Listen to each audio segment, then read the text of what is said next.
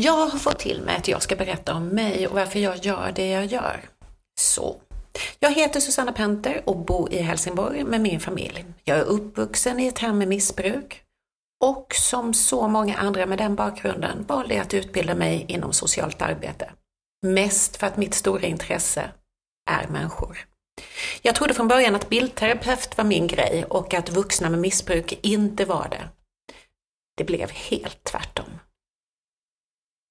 Jag har samordnat och utvecklat verksamheter och handlett personal i bemötande och jobbat mycket i enskilda samtal. Jag har hela tiden drivits framåt in i nya projekt. Jag gillar förändring och utmaningar. Kärnan i allt har varit min nyfikenhet på människor och att möta varje människa där den står utifrån behov. Oavsett om personen är hemlös och missbrukare eller en högt uppsatt chef. För mig är en människa en människa. De senaste åren har mitt fokus legat på NPF, främst autism och ADHD. Hur kan kunskapen i vårt samhälle vara så låg när det är så många som har en diagnos? Jag har tre barn. Hos två av dem fanns tecken på en NPF redan i lågstadiet, men det var ingenting som skolan såg, för kunskapen saknades, även hos oss föräldrar.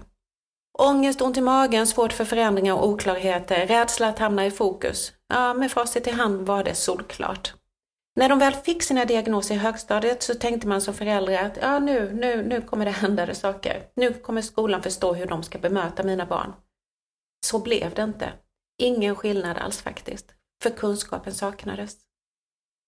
Pappa var inte som andras papper. Han hade ett stort hjärta men också ett jävla humör. Han levde extremt rutinbundet och var allergisk mot stress. När mina barn fick sina diagnoser insåg jag att min pappa hade samma. Det förklarade allt. Och under mina år i socialt arbete så var NPF ingenting någon reflekterade över. Att många av klienterna hade ADHD och autism, ja men det visste vi. Men för oss innebar det ingenting, för vi ställde exakt samma krav och förväntningar på alla. För vi saknade kunskap. De inom hemtjänsten som mötte min pappa i slutet av hans tid, ja men de saknade också kunskap. Jag vet om att hans sista tid var hemsk för honom. Det var så mycket som krockade med hans behov. Alla har velat väl, men när kunskapen saknas så blir det inte så väl. Mina barn har redan uttryckt att livet känns för tufft, att de inte passar in.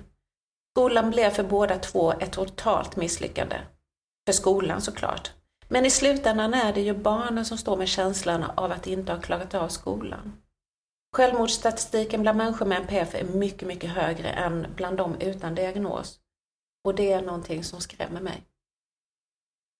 I mina Youtube-klipp och i poddarna försöker jag förmedla kunskap på ett lätt och tillgängligt sätt där fokus ligger på bemötande hos oss i omgivningen. Inte på den som har diagnosen, för det är vi som kan påverka den psykiska hälsan. Och att jag gör det är min totala övertygelse om att kunskap räddar liv.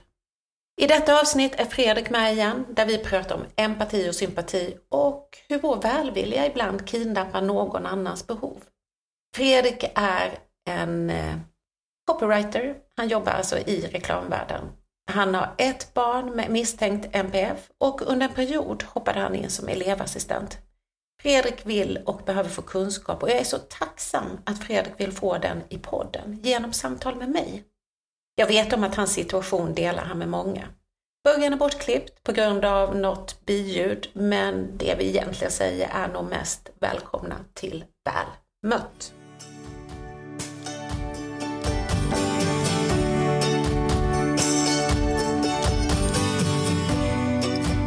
alla som jobbar inom socialt arbete pratar ju ofta om empatiskt förhållningssätt och vi pratar om att många med autism har svårt med empati och eh, vad innebär det egentligen? Har du haft koll på det där?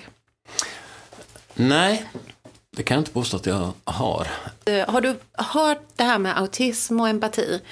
Att man eh, ibland säger ja. att... Ja, mm. att det kan upplevas som svårt att, att uh, ha ett empatiskt förhållningssätt. Mm. Många gånger när man pratar om autism så pratar man att det egentligen finns svårigheter med mentalisering, alltså en föreställningsförmåga att jag ser på mig själv utifrån och på dig inifrån. Och det är för många väldigt svårt. Ja. Empati upplever jag att många har svårt för när man pratar om förhållningssätt, för vi blandar in våra egna känslor. Om jag då kort ska beskriva skillnaden är, i ett sympatiskt förhållningssätt, då blandar jag in mig själv, mina tankar, mina erfarenheter, ja. när jag möter dig. Hade jag haft ett empatiskt förhållningssätt, då slutar jag blanda in mina känslor och bara försöker möta dig utifrån var du befinner dig. Och det är väl det som är det svåra i situationen. Alltså det är ju alltid lättast att gå till sig själv på något sätt. Och Jättemycket lättare. Ta sin, sina egna erfarenheter och på något sätt bli deltagande. Så känner jag liksom mm. att genom att jag, jag gör ofta så, liksom, att när jag lyssnar på någon person som beskriver ett problem så vill jag gärna förstärka och säga att ja, nej men så där gör jag också. Uh, det där känner jag igen. Och det gör vi nästan alltid när vi pratar, alltså när vi möter människor. Och det vill vi gärna ha. Och det vill vi gärna ha. Man vill ja. ha en bekrä eller bekräftelse ska jag säga. Deltagande och bekräftelse. Ja, men jag känner igen det, det här du mm. pratar om nu. Och, men det blir ju lätt att jag går in i mig själv och på något sätt lägger över på på den andra personen då? Och många gånger när vi är då i det här sympatiska förhållningssättet så kommer vi ju gärna med lite tips. Mm. Ja, men har du testat det här? Så här mm. gjorde jag och det mm. funkade skitbra för mig. Och, eh, vi utgår från oss själva, vi har källan. Ja. Vilket också gör att vi inte på riktigt samma sätt bjuder in motparten. Nej, vi sätter upp en, en fasad, en liten front där på något sätt. Um, ja, eller? Ja, mer att det här är ju så... Eh, Nej, men att på något sätt det jag menar är att, att vi går in i någon slags bekräftelsefas där det förväntas. Om jag, jag kommer att säga till, ah, fan idag har jag haft en jobbig dag alltså. Um, ja, jag vet. Ja, jag, jag, vi försov oss. Mm. Alltså, jag vill gärna ta udden av, alltså dämpa ner, ja, det var inte så farligt, det gjorde jag också. Mm. Mm. I mitt fall är det ofta sådär mm. att jag, jag vill säga då att jag förstår hur du har det, jag har också haft det så här. Fast jag kanske inte alls haft en jobbig dag, men jag letar efter någonting som kan säga, ja, ja, men jag, jag oh, brände kaffet här i morse. Det, det är också jobbigt. Men att visa, då, är, då på något sätt närmar jag mig dig. Men jag har ändå inte satt mig in i ditt Nej. tänkesätt. För, för vad jag... händer om du har haft en överjävlig dag? Mm. Och du vill, du kommer in och du vill verkligen prata om den.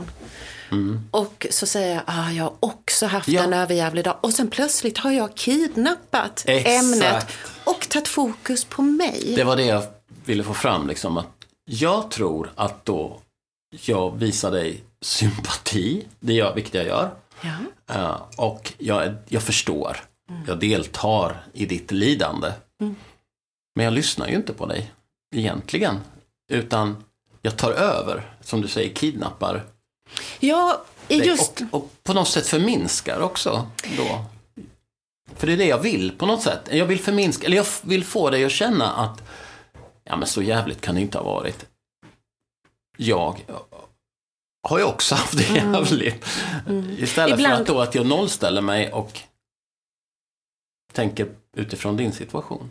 Mm. Är det så vad hade skillnaden blivit om du hade nollställt dig? För jag tänker mm. samtidigt som du blandar dig i, i det här, mm. det är ju att du någonstans ser mig och du vill dela det med mig. Ja. Du vill tala om att, ja men vi har också haft det dåligt, vi har haft mm. det dåligt tillsammans, mm. liksom någonstans. Mm. Eh, och det behöver ju inte vara dåligt. Nej, nej, nej.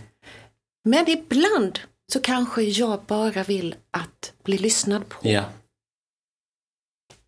Och där ligger skillnaden alltså? Verkligen skillnaden. För att när du blandar dig i i ditt så kan det ju bli så att plötsligt så skiftar vi fokus. Yeah. Att vi börjar prata om dig istället. Mm. Och det har jag upplevt jättemånga gånger.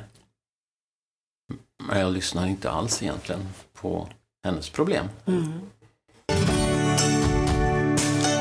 Eh, och jag vill försöka förstå, då behöver jag ju sätta mitt åt sidan och möta dig. Jag behöver gå över på din planhalva. Mm. Okej, okay, vad menar du med att du har svårt att möta människor? Mm. Vad är det som är jobbigt med det? Ja. Där kommer du ju känna dig förstådd av mig. För jag är hos dig. Jag försöker förstå. Även om jag kanske förstår fel så kommer du hjälpa mig att förstå rätt. För du vill ha det samtalet med mig.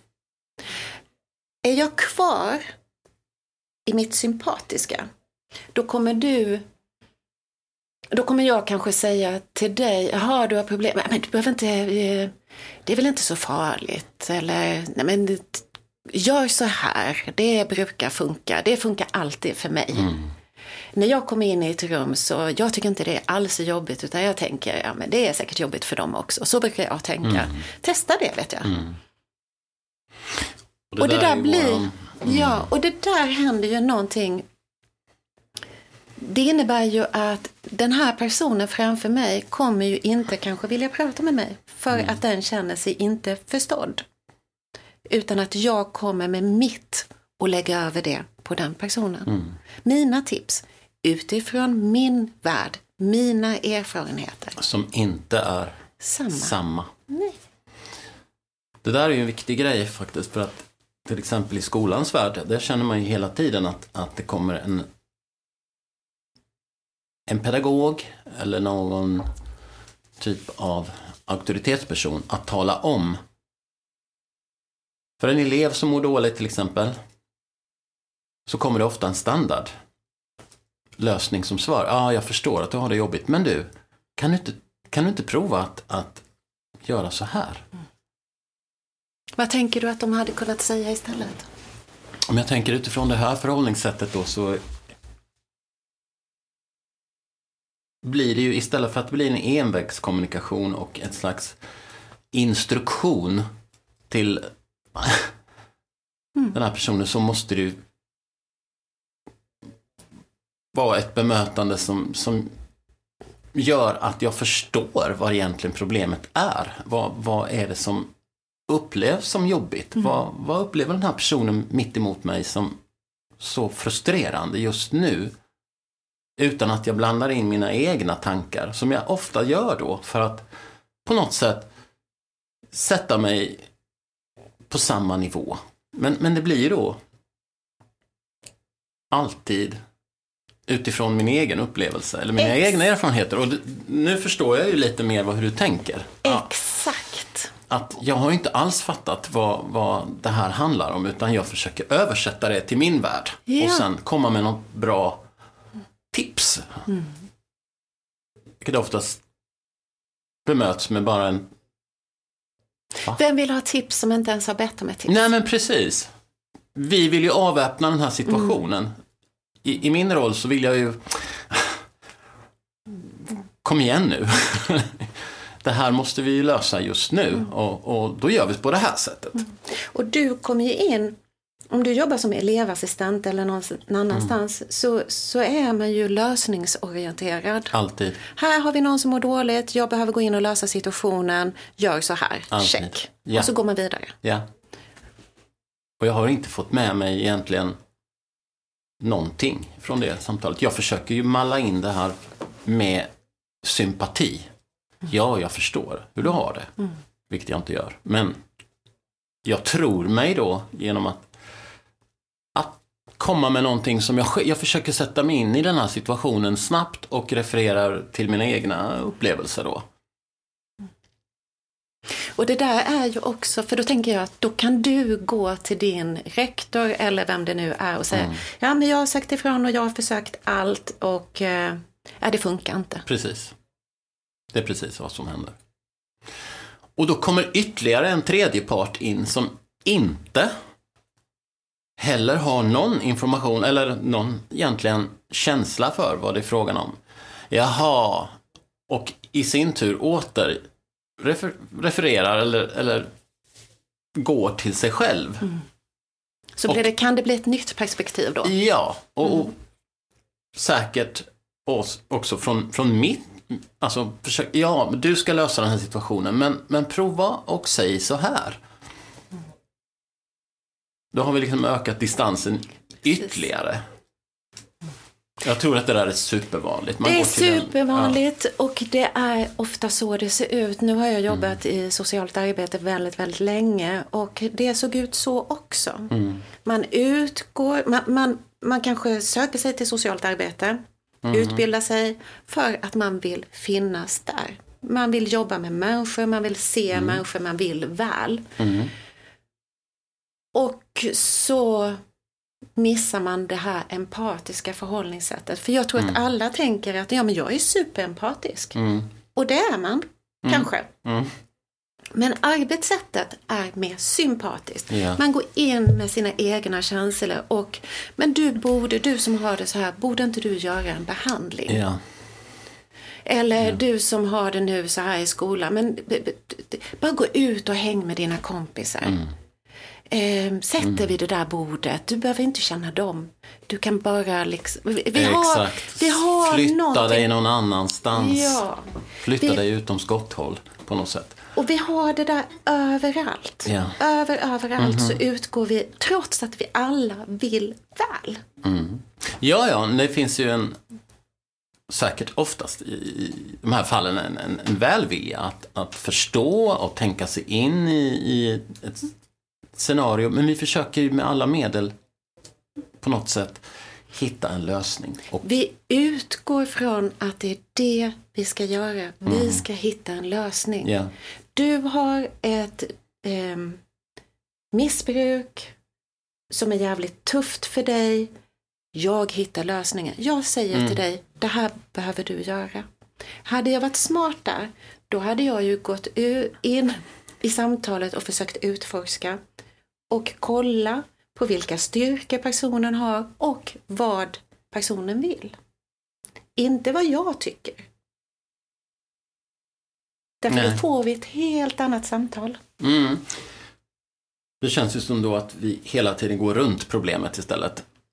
Och ofta en lösning kommer. Ja men, funkar inte det här? Kan ni inte göra så här istället? Gå ut och gå en stund. Mm. Ta lite frisk luft. Det hjälper oftast. Vi kommer jag... inte en millimeter närmare vad det är egentligen som, som skaver. Vad är, vad, vad är det som skapar den här? Varför uppstår den här situationen Exakt. överhuvudtaget? Utan vi hittar en lösning. Vi vill sätta på ett plåster på det här och få kanske förändrat sinnestillstånd tillfälligt. Mm. Och någonstans också få oss att känna oss lite duktiga, att vi har löst ett problem. Mm. Mm. Jag fick honom att gå ut en runda. Mm. Ja, det blev bra. Just det. Och så får jag en liten check på att jag har gjort någonting som ja, är... och jag har flyttat ut problemet ja. ifrån. Och där, om, om vi skulle vända på det. Mm. Om du skulle komma till mig nu och berätta om någonting. Och jag bara skulle tala om för dig vad du ska göra. Och sen så berättar du samma historia för någon annan och så berättar de vad du ska göra. Mm. Och sen den tredje som också berättar vad du ska göra. Och så kommer du till den fjärde som frågar dig, vad tänker du? Mm. Vad har du för funderingar? Berätta. Hur ser det ut? Vad var det som hände? Ja, och där eh, ligger ju den stora skillnaden då mellan de här två förhållningssätten, kan jag tänka. Som har den här diagnosen har svårt med bemötande, har svårt att, att eh, kanske kommunicera. Är så van att gå in i den här rollen, att få de här tipsen. Helt så, rätt. Så att man sitter där på mm. något sätt och förväntar sig. Jag har nästan redan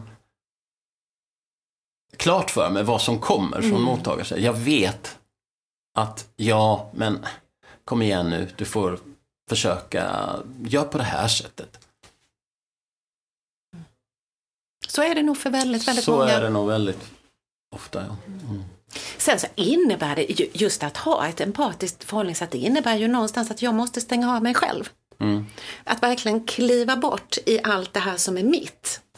Eh, jag ju, när jag handledde eh, fick vi prata väldigt mycket om det här med att blanda in sina egna känslor. För det är ju ofta där frustrationen kommer, ilskan. Mm. Det är ju när jag Ja men du lyssnar inte eller du, du mm. jag blev besviken. Besviken är ju en sympatisk känsla. Det är ingen empatisk känsla. Då har jag plötsligt blandat in mig själv och jag har haft så mycket diskussion om det här. Mm. För det är, det är både lätt och svårt. Mm. Mm. Därför ja. att det är lätt att man halkar tillbaks och plötsligt så har vi, utgår vi från vår egen källa. För den ligger ju närmast. Den det ligger är... fantastiskt nära. det, och det ska den göra. Jo. Men jag tänker just när man har barn mm. Eh, mm. så är det svårt att eh, vara sympatisk eller empatisk. För yeah. där är det, det är känslor. Mm. Och eh, genom att ha ett empatiskt förhållningssätt så har du ju någonstans eh, klipper du ju bort dig själv på ett sätt. Mm. Du, du stänger av din egen källa mm. eh, och ska möta ett barn. Men det är ju, den relationen är ju full med känslor.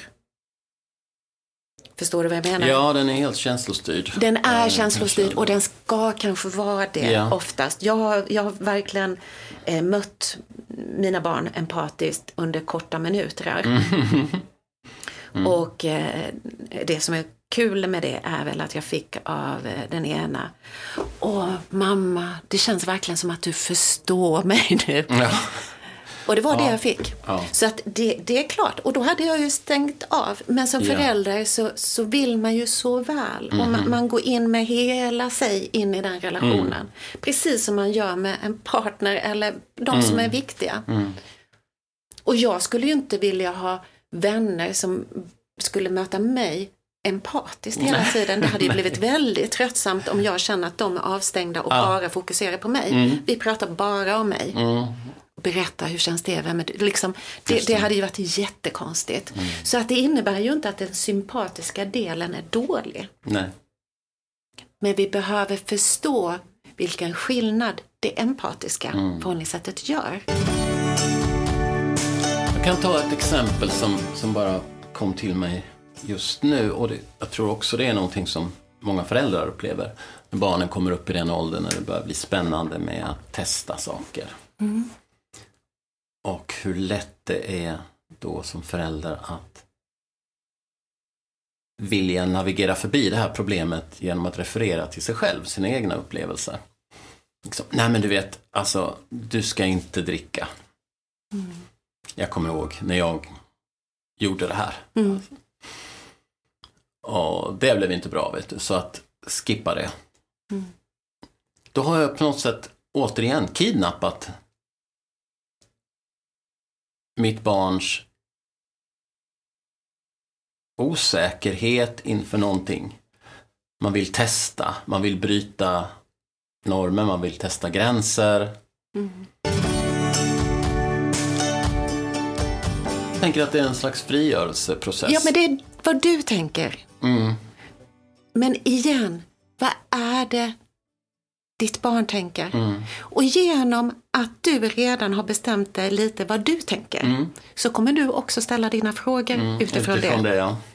Så om du någonstans nollställer dig mm. och hoppar över -hmm. till ditt barn och frågar vad är det som gör att du har börjat fundera på det här nu? Vad är det som har hänt? Mm. Eller vad det nu kan vara. Mm, för att någonstans, och, ja. Förlåt. Och vänta på svaret. Mm, någonstans igen pratar vi om det här att eh, att känna sig förstådd, det är ju också att få utrymme till att tänka och fundera.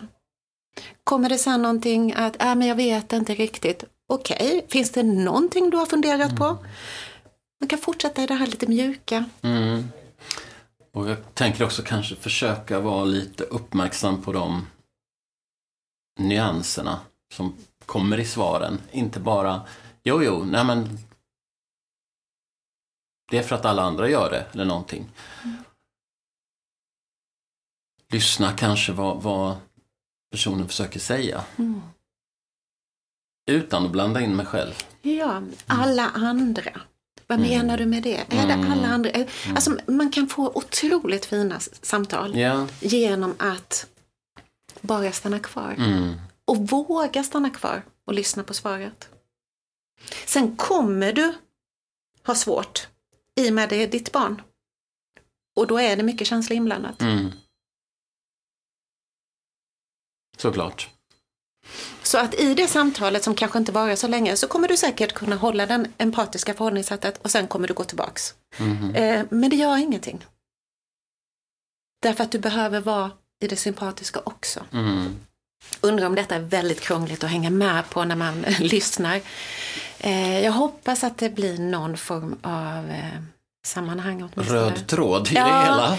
Men det är ju, jag tänker alla människor vi möter, oavsett om man jobbar inom psykiatrin eller inom kriminalvården, SIS, alla människor vill bli förstådda. Mm. Man vill bli förstådd utifrån den man är och de behov man har. Om man har det med sig så är det enklare. Det är väldigt få människor som vill att vi ska komma in med en lösning. Det här behöver du.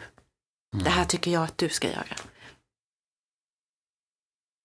Mm.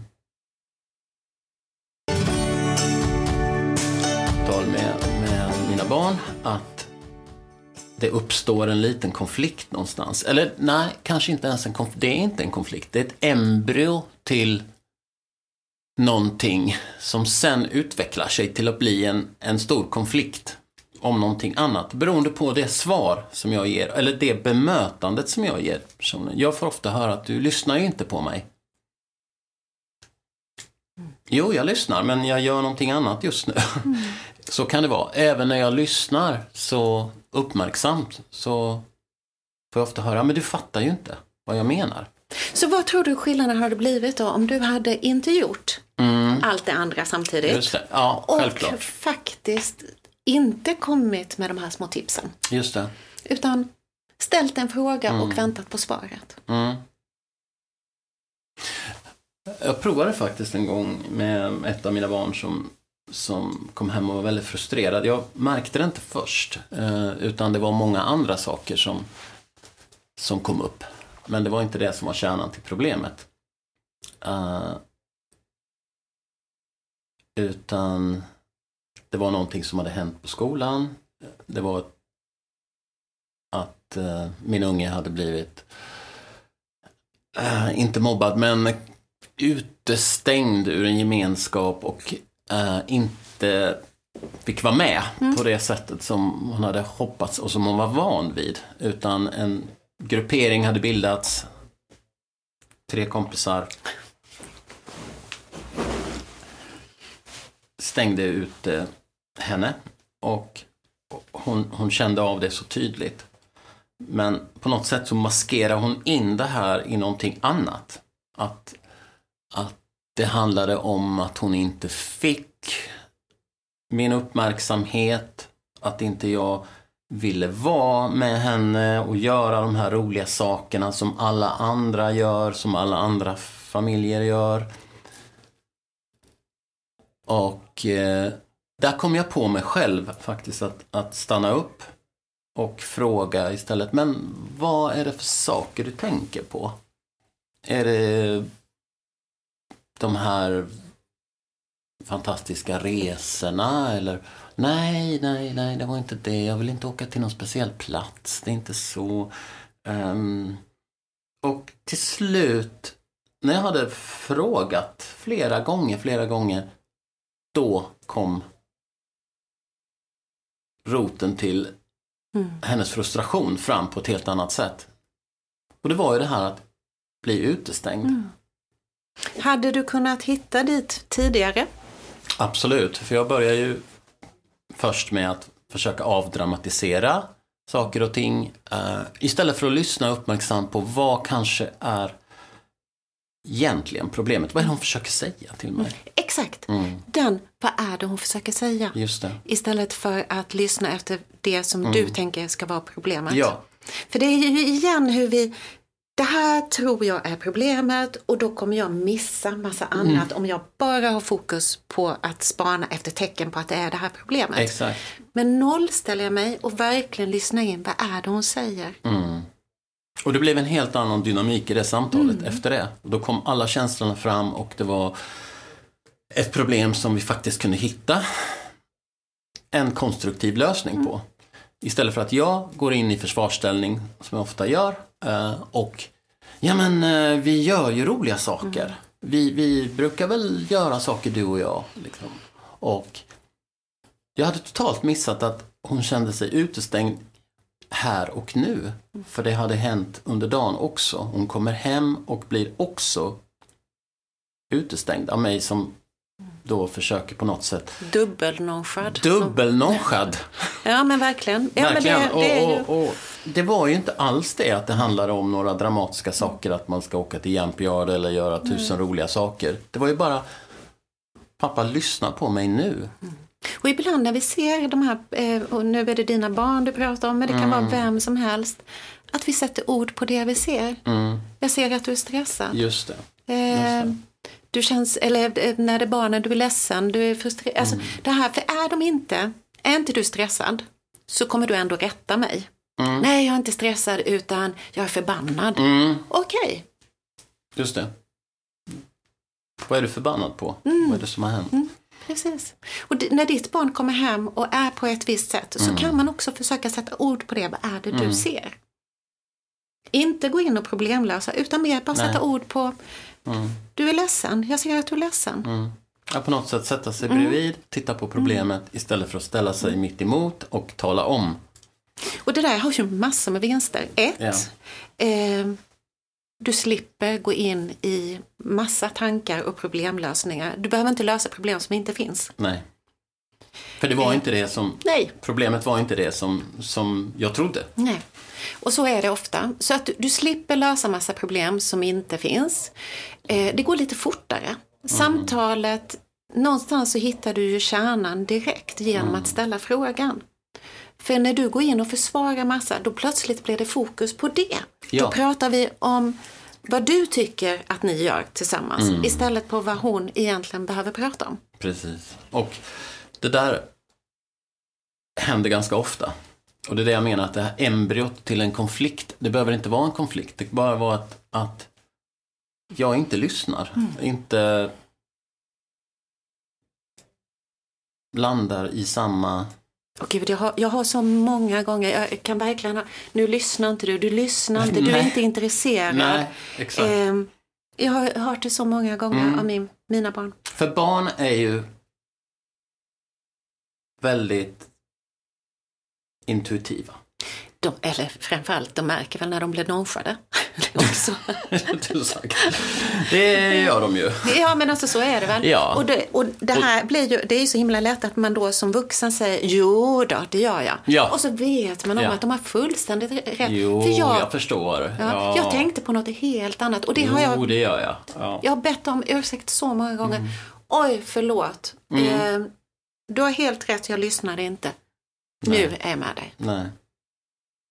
Just i det här exemplet som jag berättade om nu, då blev det faktiskt så att jag kände att jag behövde säga det. Mm. Alltså, förlåt, jag förstod inte, jag såg inte hur, det var, hur du kände eller vad som hade hänt. Vad hände då i ert samtal? Nej, men det var blev, det blev ehm, ehm, bättre. Eh, och eh, det kom ju ut mycket mera känslor och hon var väldigt ledsen och fick gråta och sådär. Men ilskan, så- alltså hon får, projicerar ju in ilska på mig istället. Hon var egentligen väldigt besviken på, på några av sina kompisar. Men hon berättade jättemycket om hur att hon inte vågade visa den ilskan på skolan och hon gick hellre undan. Hon blev, blev väldigt ledsen. Ibland visade hon att hon blev ledsen men, men oftast inte. Och um, nu fick hon ju vara ledsen. Och på rätt sak. Istället för att visa att hon var arg på att inte jag gjorde något roligt med henne just i den stunden eller att vi i allmänhet inte gör så mycket roliga saker. Och jag slapp tänk- förstå och försvara mig. Och du behöver, egentligen så handlar det sällan om att eh, behöva försvara sig. Eh, men att be om ursäkt är ju det finaste man kan göra. Mm. Ja men det gjorde jag. Så Det, I det läget att gjorde jag faktiskt det. Jag vi- sa förlåt att jag, jag inte förstod vad det var som Det är bara vinster i att be Mm. om ursäkt. Eh, därför att då, när vi är på väg och fösa bort Mhm. någon genom att inte lyssna, för det är det som händer, Ja. att varför ska man tjata på dig om du ändå inte lyssnar och är intresserad? Varför Nej. ska jag berätta för någon som inte vill veta? Nej. När vi ber om ursäkt då plockar vi tillbaks det där igen. Att nu är jag här, vi ber om ursäkt, Mhm. Mm. börjar om. vi börjar om. Eh, mitt fel. Mm. Så någonstans där så övergick jag nog från ett sympatiskt förhållningssätt till ett empatiskt. Ja, Utan att överhuvudtaget tänka på de begreppen. nej. Förrän du satte, satte en label på dem. Det är, när man har lärt sig skillnaden mellan empatiskt förhållningssätt och sympatiskt så händer det någonting i alla samtal. Mhm. I alla. För jobbar man i socialt arbete, jag är väldigt mycket där för att jag tänker att det är så många som jag sa innan, det här man utbildar sig, man vill väl, man, man vet vad människor kanske behöver, man ser det tydligt, man vill berätta. När man förstår vad som händer när man är på människor och kommer med oombedda tips och tankar på vad någon behöver så slutar de komma till en. Det är både svårt och lätt med empati och sympati och vi behöver båda delarna. Eh, Men vi behöver förstå skillnaden. Genom, ja, och att genom ett empatiskt förhållningssätt så får vi tillgång till den andra människan på ett helt annat sätt. Att genom att lyssna, när du lyssnar på ditt barn, när jag lyssnar på en klient eller eh, mina barn eller någon annan, att faktiskt nyfiket lyssna på vad det innebär för dem att ha en diagnos Mm. genom att ställa frågor. Inte bara ta för givet att jag sitter på lösningarna. Därför att det händer någonting. Och det är då du också kommer få den här Åh, det är så skönt att prata med dig för det känns som att du verkligen förstår. Mm. Och det behöver jag inte ens göra, på riktigt. Men känslan är att jag förstår. Och när man, när man är empatisk behöver man inte heller gå in känslomässigt överhuvudtaget. Jag, jag kan ju prata om vad som helst Mhm. med vem som helst. Men det är först när jag går in känslomässigt som jag blir arg, förbannad, frustrerad, äcklad eller Mm. vad det nu kan vara. Men är jag empatisk så har jag ju inte tillgång till de känslorna.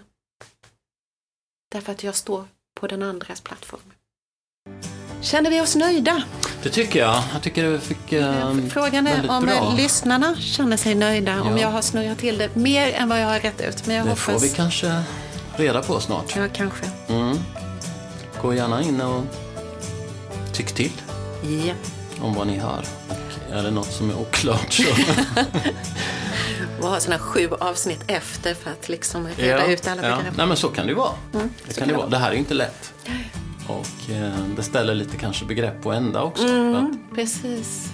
jag får i alla fall en, en sån här lite aha-upplevelse att hmm, Men eh. Mm, tack för idag. tack för idag och väl mött igen.